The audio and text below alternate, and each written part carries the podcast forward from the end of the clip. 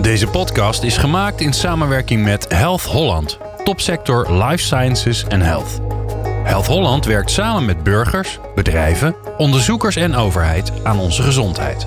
Het doel is dat in 2040 alle Nederlanders tenminste vijf jaar langer in goede gezondheid leven en dat de gezondheidsverschillen tussen de laagste en hoogste sociaal-economische groepen met 30% zijn afgenomen. Vanuit de Grosbeweging worden hiervoor samenwerkingen in de regio's gestimuleerd op het gebied van gezondheid en zorg, waarbij de burger centraal staat. Dit is Lifestyle for Health, de podcast over leefstijlgeneeskunde voor professionals. Luister naar de laatste wetenschappelijke inzichten, werkende interventies en verhalen uit de praktijk. Met experts en vakgenoten gericht op gezondheid, gezondheidszorg en wetenschap. Een gezondheidszorg waarin gezondheid centraal staat in plaats van ziekte. En een leefomgeving die gezond gedrag makkelijk maakt.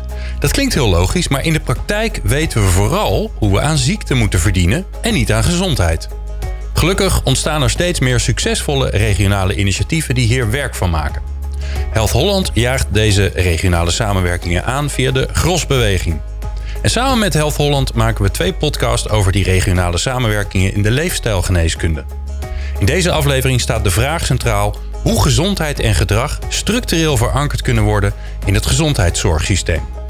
Te gast zijn Hans-Peter Jung, hij is huisarts in de Noordelijke Maasvallei. En Carl Verheijen, directeur kennis en innovatie bij de Naber Foundation. En natuurlijk, als je een beetje het schaatsen volgt, oud topschaatser.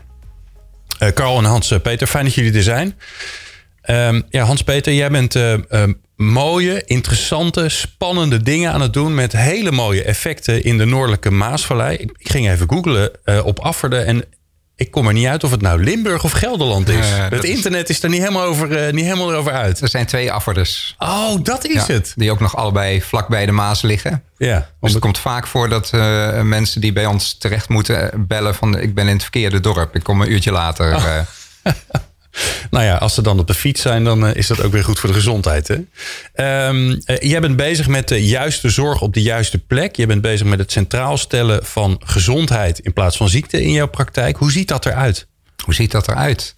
Um, dat is een hele belangrijke, essentiële vraag. En uh, ja, dan moet ik even teruggaan naar de jaren 80, eind jaren 80, begin jaren 90. Toen ik afstudeerde als, als, als dokter en in Midden-Amerika ging werken. Dat was in eh, Nicaragua. En uh, daar kwam ik in een dorpje waar eigenlijk geen gezondheidszorg was. En eigenlijk ook geen dokter. Uh, en daar kon ik met een rugzakje de bergen in om, om mensen te behandelen. En wat mij verbaasde was dat ik eigenlijk hele gezonde mensen tegenkwam. Die, die ook heel oud werden.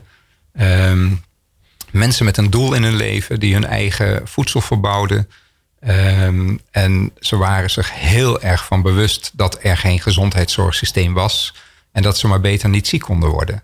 Nou ja, dat uh, uh, was zo'n belangrijke periode voor mij. En uh, ik kwam terug in Nederland en jaren later ontdekte ik dat, dat er zoiets bestond als Blue Zones, waarbij er een aantal gebieden in de wereld waren waar mensen gezond oud kunnen worden. En ik bleek zelf gewerkt te hebben in zo'n regio vlakbij Costa Rica, een van de ja, onderzoekspopulaties. En het bleek dat, dat die mensen gezond oud konden worden, omdat ze eigenlijk vier factoren met elkaar gemeen hadden, die, die blue zones in de wereld. En dat is een doel hebben in je leven, um, gezond eten, uh, veel bewegen uh, en uh, onderdeel uitmaken van een gemeenschap.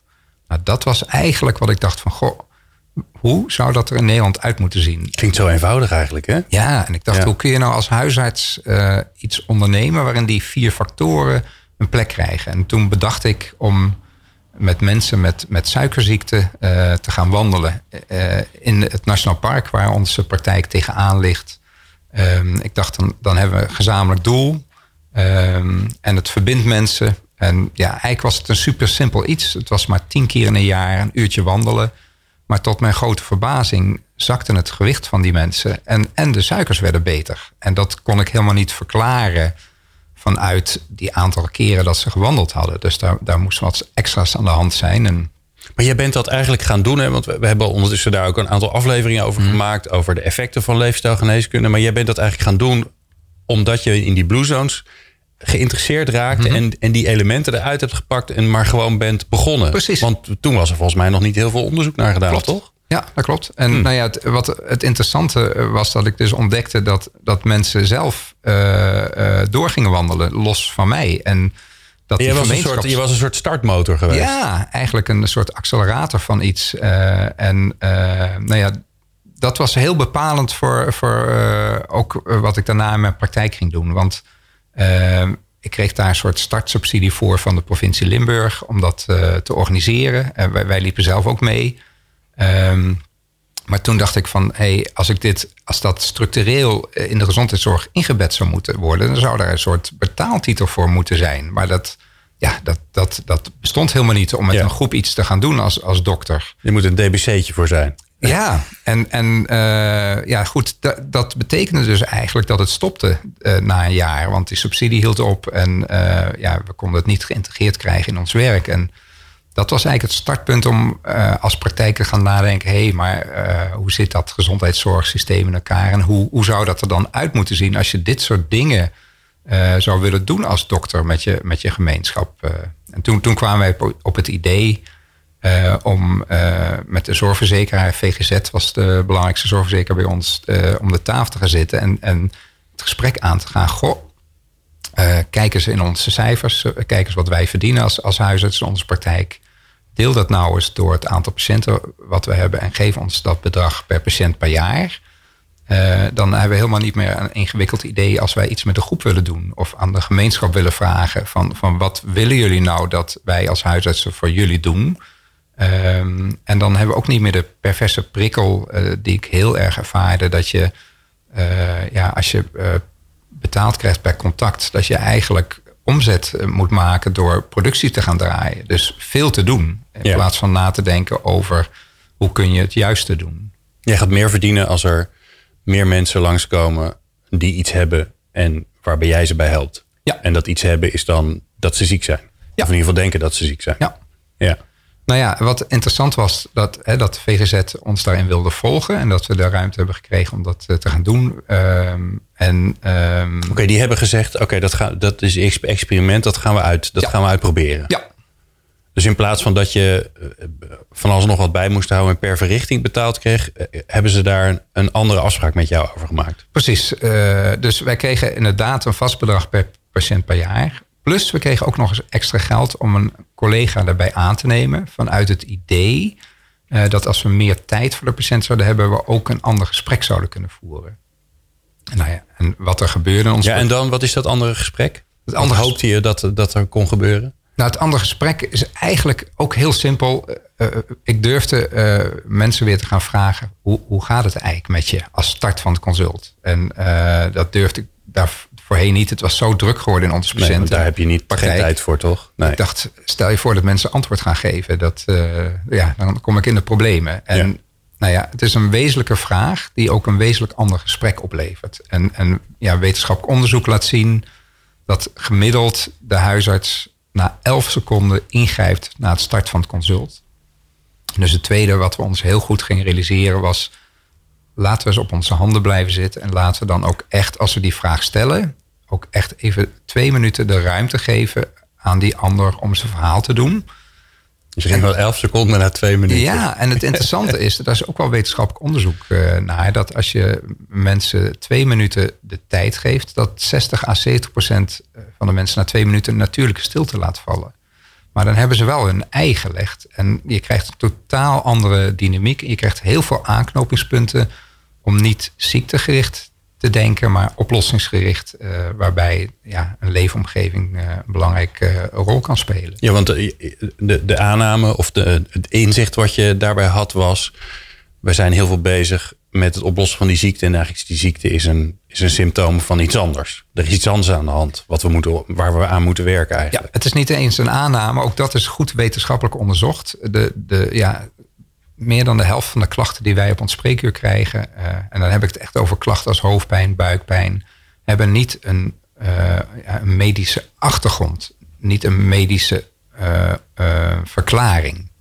Ehm, en als je vanuit een medische verklaring blijft werken en je zoekt naar iets wat er niet is, ja, dan kun je alleen maar op dat pad blijven door iemand door te verwijzen en verder onderzoek te doen. Ja. En dan vind je niks. Uh, dus dan zie je dat ook polies van neurologie en gynaecologie en interne het aantal onverklaarbare klachten nog veel hoger is. Maar als je aan de voorkant, en daar zijn we natuurlijk voor als huisartsen, daar al een schifting kan maken en uh, vanuit vertrouwen samen met die patiënt een ander gesprek kan voeren, ja, dan kun je enorm veel kosten besparen. Ja. Ik, ik, ik, ik druk even op pauze. Dan gaan we zo verder. Want ik ben natuurlijk ongelooflijk benieuwd. Wat gebeurt er dan en wat verandert er dan? Maar ik ga eerst even naar, uh, naar Carl Verheijen. Want Carl, dat, hoe we het nu georganiseerd hebben... dat is nou precies waar jij mee bezig bent. Want jij hebt het idee dat dat anders moet.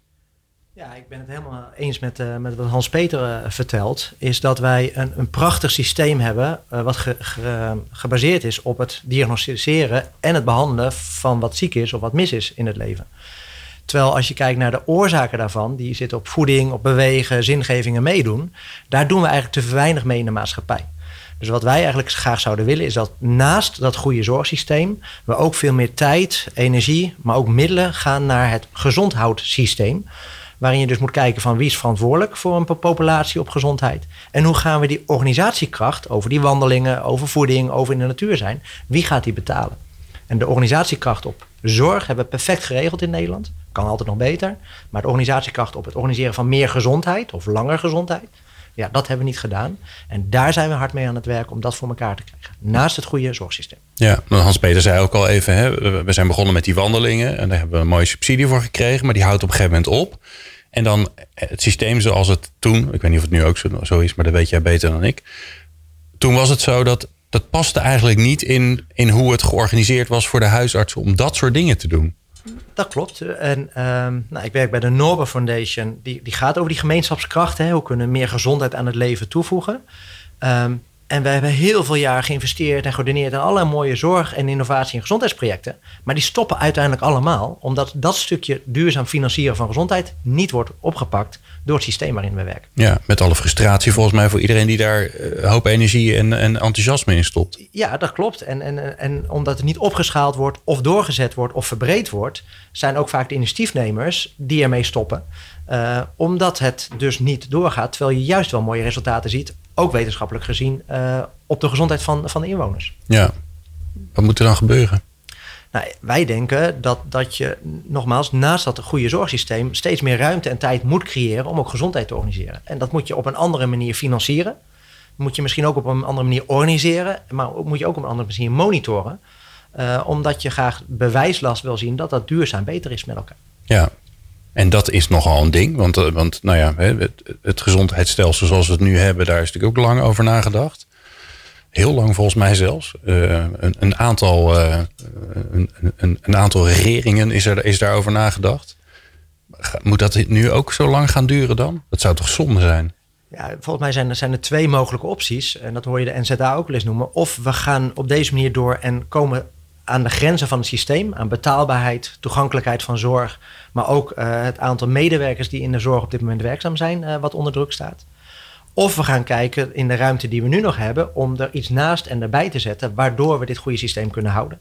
En uh, ja, ik hoop voor de tweede, want anders moeten we straks in de toekomst wel schrale keuzes met elkaar maken, waar ik niet heel erg blij mee ja, word. Maar ik hoor jou zeggen, ernaast en erbij, dus niet het zorgsysteem zoals het nu is aanpakken, veranderen.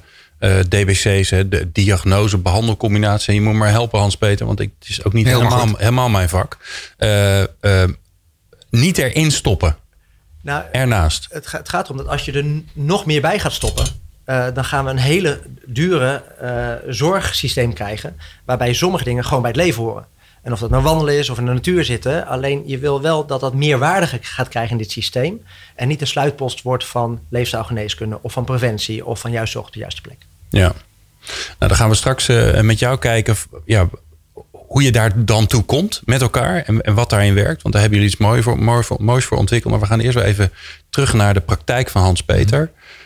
Oké, hartstikke mooi. Je hebt die, je hebt die langere gesprekken. Uh, na die twee minuten valt die automatische stilte, zodat je het kunt hebben met je, uh, met je, met je patiënten over uh, ja, hoe gaat het nou eigenlijk met je? En wat is er nou, wat is nou eigenlijk de oorzaak van dat je ergens klachten van hebt? wat, is, wat is er dan gebeurd? Waar ben je achter gekomen door zo te gaan werken? Nou ja, allereerst ehm, merk ik dat er veel meer rust eh, in mijn werk gekomen is. Ehm, in de loop der jaren eh, heb ik minder contacten, maar wel langere contacten. En uh, wat heel erg opvallend is, is dat ik aan het eind van de dag ben ik niet meer moe. Terwijl ik vroeger liep ik echt op mijn tenen aan het eind van de dag. En dat hangt ermee samen dat je, als je zeg maar vanuit een medisch-analytisch model moet denken, dan ben jij als huisarts aan het werk in de spreekkamer.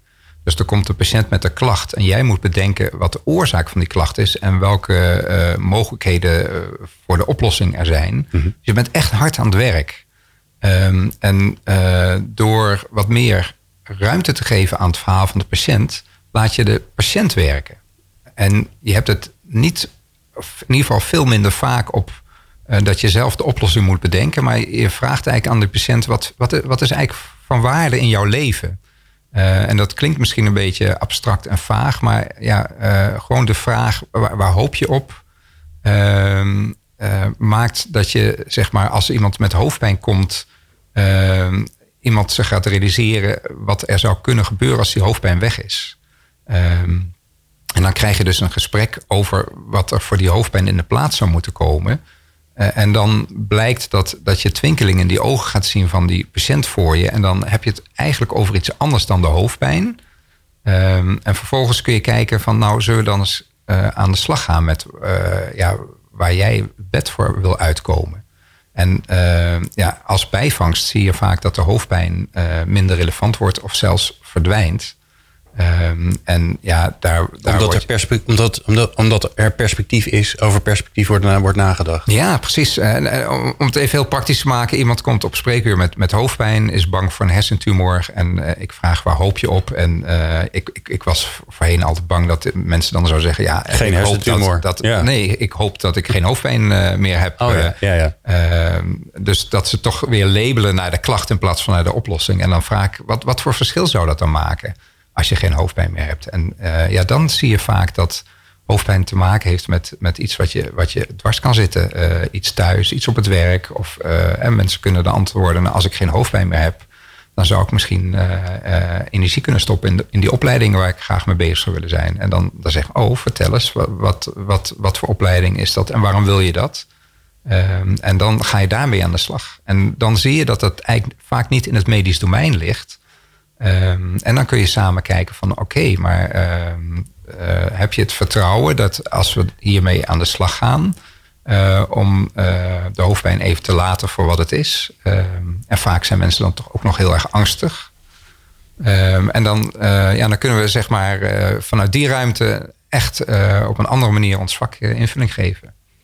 Ja, mooie aanvulling. Hè? Zoals we nu in de praktijk werken, is echt gericht op het lange leven. Dus er is iets en dat moeten we oplossen met een recept en een advies en een pilletje of een gesprek. En dat komt natuurlijk wel ergens vandaan, want we komen uit de 19e eeuw waar we moesten overleven, hè, dus met infectieziekten en andere dingen moesten doen. Nu zitten we op dat lange leven, wat voor heel veel mensen van impact is. Maar we gaan wel steeds meer naar die kwaliteit van leven. En het huidige systeem, en dat vind ik zo mooi in het verhaal van Hans Peter, is dat je wil naar die kwaliteit van leven. Wat wil je nog? Welke studie kan je doen? Maar het systeem is er nog niet op ingericht. En in ieder geval niet de prikkels in het systeem om dat te doen. Nou, en, en die draai, die combinatie, die zou eigenlijk uh, ja, uh, uh, normaal moeten zijn in de praktijk. Dus dat je ja. op beide mag, mag functioneren. En op het lange leven en op meer kwaliteit van leven. Ja, en als je dit vertelt, Hans-Peter, dan denk ik, ik... Zie jou dat gelijk doen. Ik hoor dat in alle rust. En ik zie hoe, hoe, hoe mooi je dat soort gesprekken mm -hmm. vindt. Vinden al jouw collega's dat interessant? Want er zijn natuurlijk ook heel veel huisartsen. Die zijn het vak ingegaan omdat ze dat medische gewoon heel interessant vinden. Uh, en dit, dit klinkt alsof je bent een soort psycholoog, coach, uh, maatschappelijk werker. Nou ja, van al een soort Zwitser zakmes als het gaat over uh, het ja. menselijk leven. Uh, ja, ik denk dat, dat om te starten heel veel huisartsen staat het water tot aan de lippen. en dat betekent dat heel veel huisartsen aan het zoeken zijn van hoe overleef ik in, in het werk wat ik nu doe. Dus daar is ruimte voor andere ideeën. Um, er zijn uh, huisartsen die, die het ontzettend leuk vinden. Ik zelf overigens ook om uh, ingewikkelde medische puzzels wel te willen oplossen. Um, maar daarnaast moeten we ons realiseren dat, dat patiënten of burgers een heel ander beeld hebben van, van wat gezondheid is. En ook al hebben wij een heel eng beeld van wat wij vinden dat onder gezondheidszorg valt, als patiënten een heel breed beeld ervan hebben. En vanuit positieve gezondheid weten we dat kwaliteit van leven uh, ertoe doet, uh, zingeving ertoe doet. Dan uh, bepaalt eigenlijk die patiënt wat wij op ons spreekuur krijgen. niet de dokter. en dan kun je wel zeggen, ik, ik richt me alleen op het medisch vlak.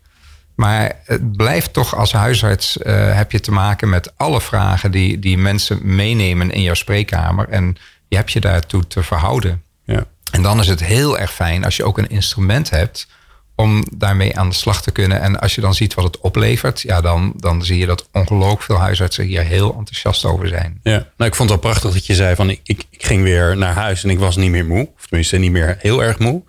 Wat natuurlijk al fantastisch is.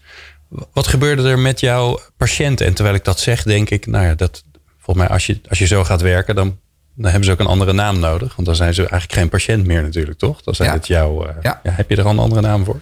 Uh, nee, uh, we hebben een boek geschreven over positieve gezondheid in Nederland. En ja, daar, daar worstelen we ook met dat thema. Hè. We hebben het als huisartsen over onze patiënten. En eigenlijk is dat al een, ja, een enorme duw in de richting van, van, van ziektezorg. Ja, want als je niet ziek bent of je niet ziek voelt, dan ben je geen patiënt. Precies. Ja. ja. ja. Wat was het effect? Nou. Het effect is dat, uh, dat wij veel minder gingen verwijzen naar, naar de tweede lijn. Uh, tot meer dan 25% tot wel 40% minder verwezen wij naar, naar het ziekenhuis.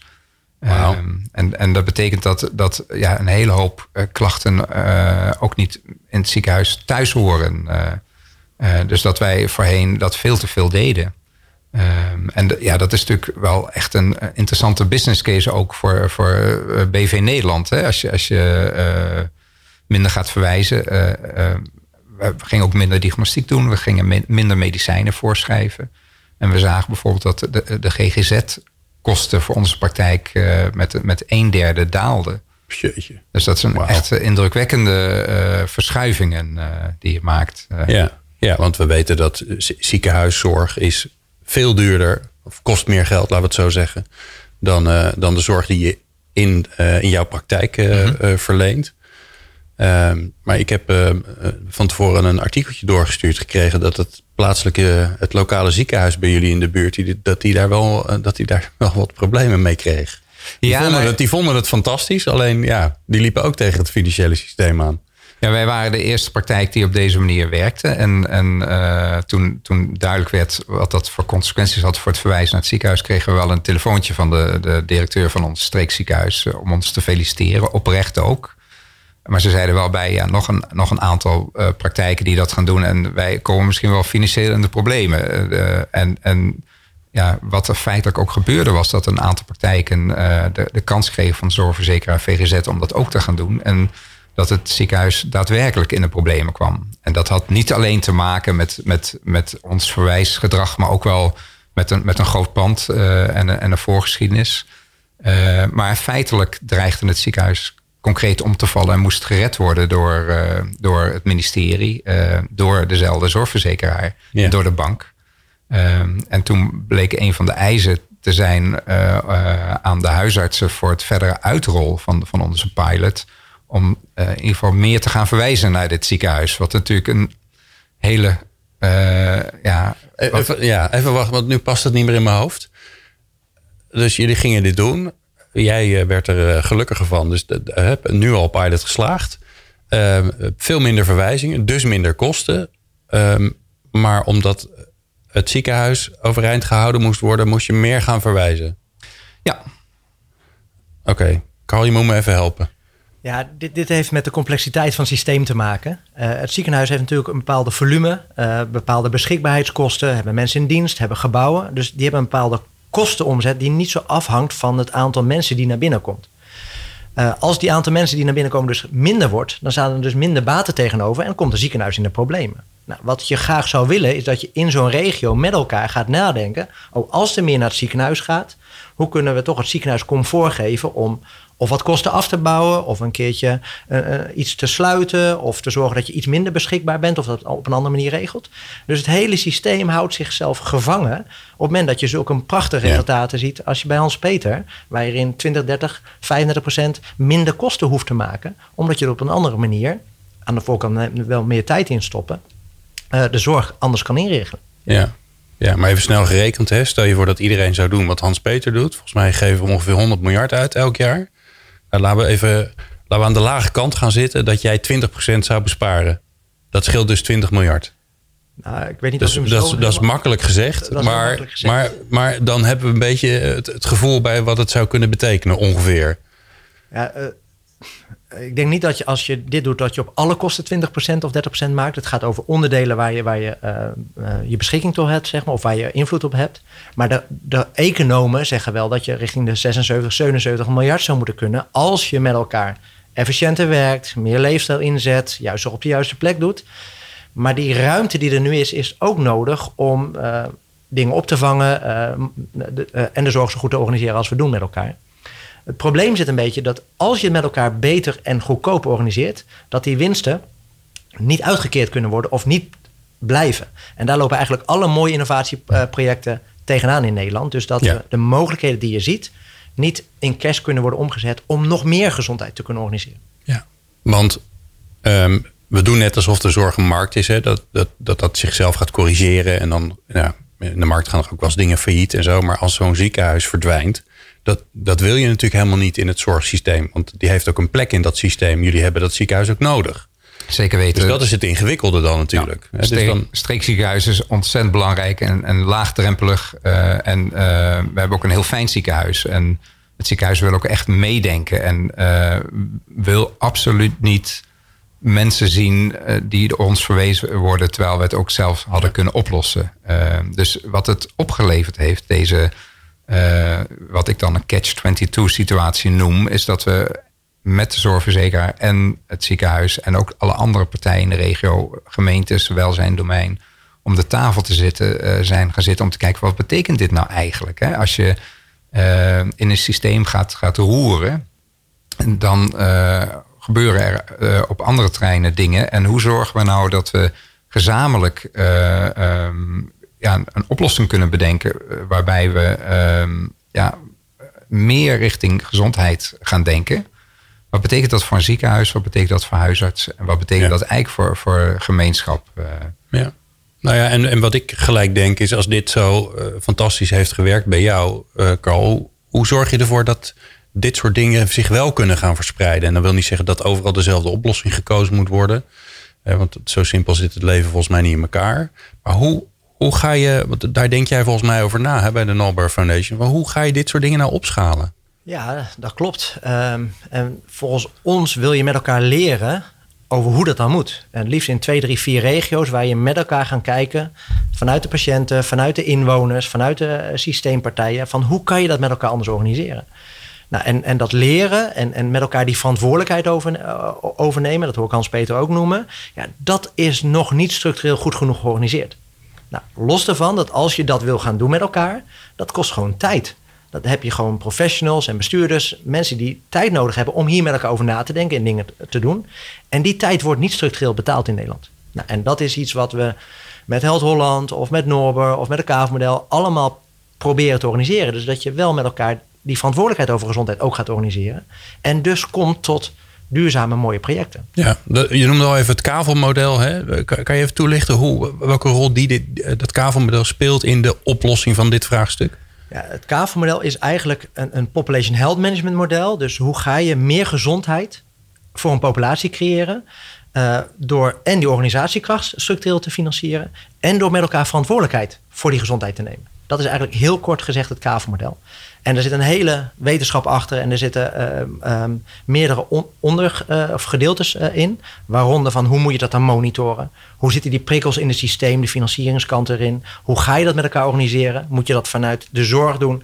Of misschien wel vanuit het perspectief, vanuit de inwoner die zingeving, gezondheid en, en meedoen zo belangrijk vindt? Nou, dat zijn allerlei aspecten die we met elkaar proberen uh, te ontwikkelen. En hoe kunnen we dus laten zien met elkaar dat we in twee, drie of vier regio's zien dat als we het op deze manier doen, de zorg nog steeds uitstekend is.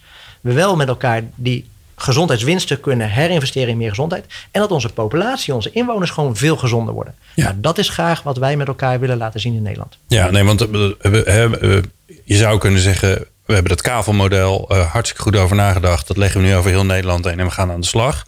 Maar jullie zeggen eigenlijk van laten we dat uitproberen. Zijn jullie dat nu aan het doen? Ja, we hebben daar nu twee regio's voor. Eh, in de regio Ede en de regio Achterhoek zijn we bezig met eh, een aantal partijen om die, wij noemen dat Accountable Health Organization te, te vormen. Dus hoe kan je met elkaar die verantwoordelijkheid nemen? En we zijn dus met, met de inwoners en professionals bezig van welke interventies horen daar naar onder. En heb je mooie voorbeelden zoals Hans-Peter Jongens heeft, of Longzorg in Nijkerk, of eh, Blauwe Zorg in Maastricht. Die voorbeelden en interventies, die zijn er wel. Op het gebied van leefstijlgeneeskunde, op het gebied van juist zorg op de juiste plek, op het gebied van algemene preventie, op het gebied van natuur. Maar hoe ga je die dus nu in het systeem van zorg zo verankeren dat beide mogen be- bestaan? En duurzaam door kunnen gaan. Precies. En niet dat dit weer een pilot of weer een mooie proeftuin is voor vier, vijf jaar. Nee, je wil graag dat de, de prikkels in het systeem die kant op staan dat dit duurzaam eh, mogelijk moet zijn. Ja, en het beeld wat ik ook in mijn, in mijn, in mijn hoofd zich ga- gaat ontstaan met die kavels, is dat je. en Want het, het gevaar is natuurlijk nu dat je zegt: hé, hey, Hans-Peter heeft iets bedacht, dat werkt. En dat gaan we gewoon gelijk overal doen. En dan vervolgens kom je er waarschijnlijk achter dat het niet overal werkt. Is dat ook de gedachte van het kavelmodel, dat je ook kijkt van wat gebeurt er hier eigenlijk in dit, dit, dit stukje Nederland? Ja, er zitten volgens mij twee eh, antwoorden in jouw vraag. Hè. Ik geloof heel erg dat je eh, dingen kan opschalen, maar wel met de couleur lokaal, de lokale kleur en sausje die andere huisartsen in, in Nederland hebben. Hè, terwijl de principes die Hans-Peter gehanteerd heeft wel overeind blijven. Ehm, dus dat vind ik een belangrijke. Ehm, en het andere is dus natuurlijk dat je wil laten zien op een paar plekken dat het echt kan. Voordat je ook die lessons learned voor heel Nederland of voor een stelselwijzer of iets anders kan gaan doen. Als je dat nu over heel Nederland gaat uitrollen, je moet elkaar kennen in de regio. Hans-Peter kent de mensen van, sociale, van het sociale team, kent het ziekenhuis en weet hoe dat werkt. Dus wij geloven heel erg in die kracht op regionaal niveau. Nou, laten we dat kijken of we dat kunnen, kunnen extrapoleren naar een landelijk niveau. Ja. En, en zijn de, de, de, de gezondheidsvraagstukken dan ook anders? Per Zeker. kavel? Zie je daar gewoon hele grote verschillen tussen? Zeker. En je ziet dus al in kavel zie je in bepaalde gebieden dat aan de ene kant wat meer ja, GGZ-problematiek is, aan de andere wat meer oudere problematiek, en de andere zij- zit met kwetsbare jeugd. En volgens mij gaat Population Health, maar ook positieve gezondheid, juist om aan te sluiten bij de vraag van de inwoners, de vraag van de mensen. Ja. En daar met elkaar te kijken hoe we passend duurzaam gezondheid kunnen organiseren. Ja. En, en, en dan, want dan, dan kom ik weer terug bij jou Hans-Peter. Dat zei je ook, hè, van ja, je kunt wel willen dat iedereen alleen maar met medische problemen komt. Alleen ja, dat heb je nou helemaal niet voor het zeggen als huisarts. Klopt. De deur, de deur gaat open, mensen komen binnen en ze, ze stellen vragen aan je waar zij mee zitten. En daar heb je mee te dealen dan. Ja.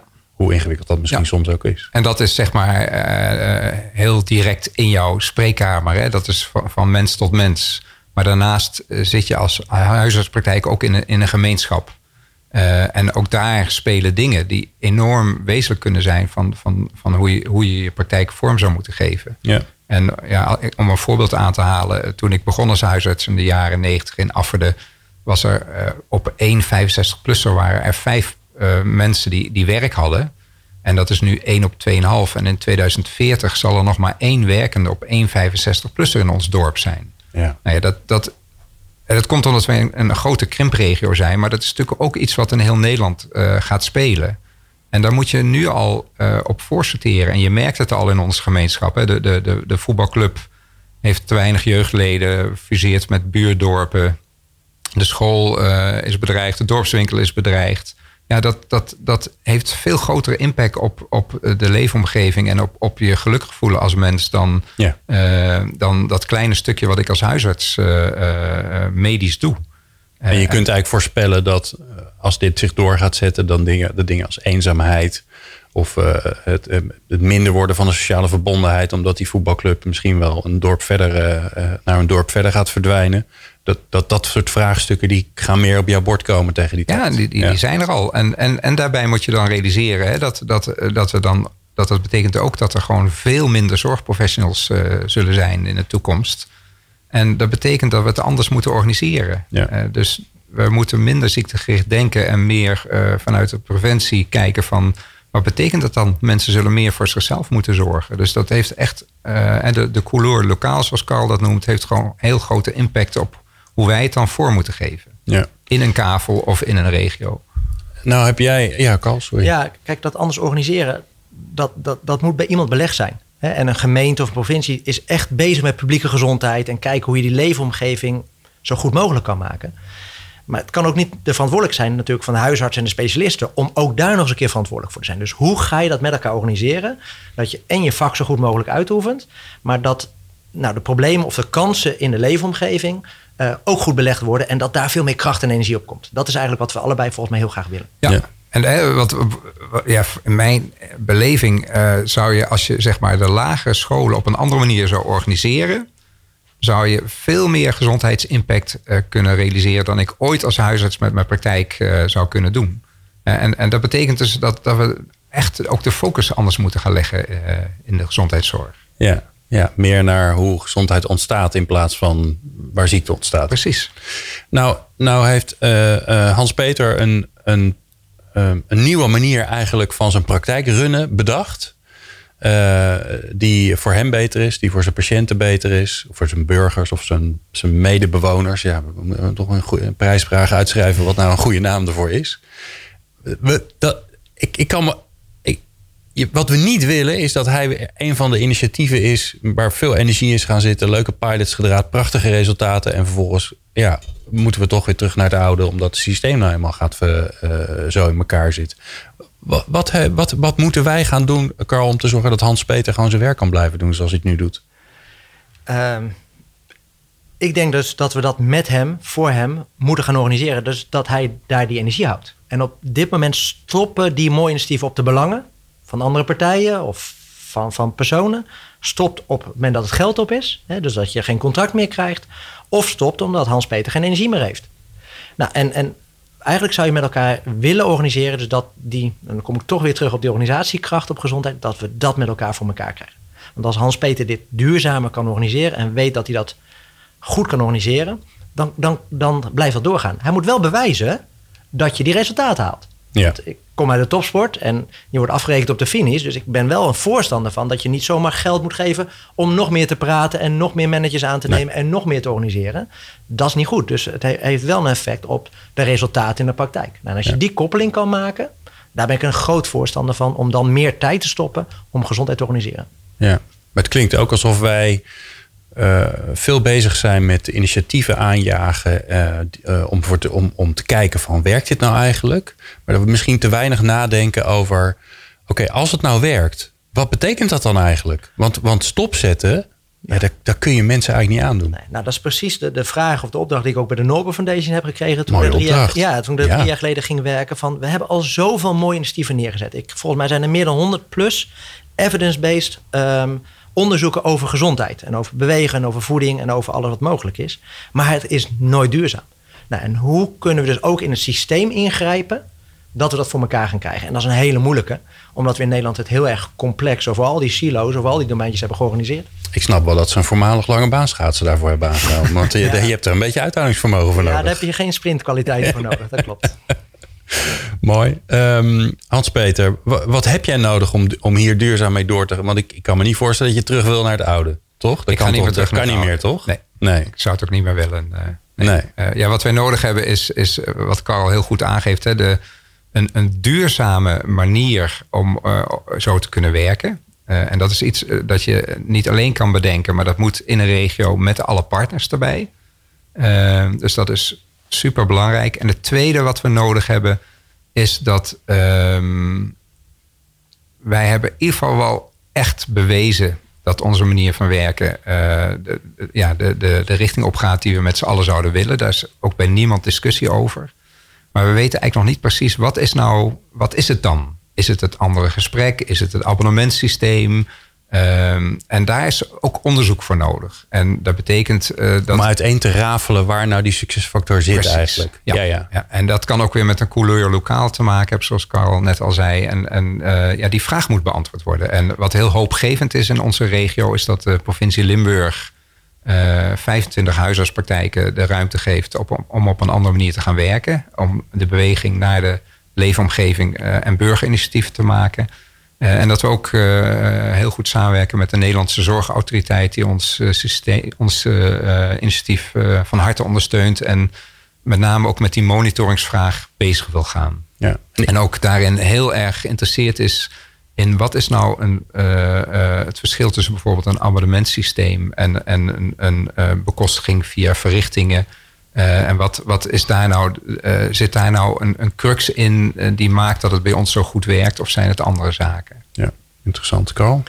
Ja, ook daar weer mee eens. Kijk, en, en ook voor de systeemspelers. Hè, als we naar een transformatie gaan van het systeem, waarin we dus iets meer gezondheid willen organiseren, dat betekent dat in die transformatie elk partijen zijn die iets minder moeten gaan doen. Of pijn moeten lijden, of waar het een beetje schuurt. Nou, het belangrijkste is dus dat we met elkaar comfort regelen voor die partijen die iets moeten inleveren.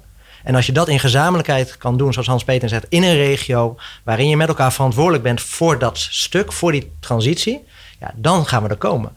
Maar dat betekent ook dat je over je eigen grenzen heen moet kijken en over je eigen domeinen heen moet kijken van wat nodig is. Nou, en als wij met elkaar, en dat noemde ik ook, bedoelde ook met anders financieren, dus de comfort daarvoor kunnen organiseren, dan denk ik dat we met elkaar vanuit inhoud echt naar duurzaam meer gezondheid kunnen komen. En misschien gewoon ook accepteren dat een beetje overcapaciteit ook niet zo erg is. We hebben dat efficiëntie, efficiëntie denken natuurlijk wel heel erg doorgevoerd. Daar zijn we heel goed in. Maar dat hebben we natuurlijk met corona ook gezien. Soms is dat ook niet zo handig. Nee, en nog, nogmaals, ik denk dat we dat heel goed doen op dit moment in Nederland. Als jij nu van een fiets afdondert of in een psychose komt, dan is de beste zorg op dit moment verraden voor je. En dat moeten we zo lang mogelijk handhaven. Ja, mooi.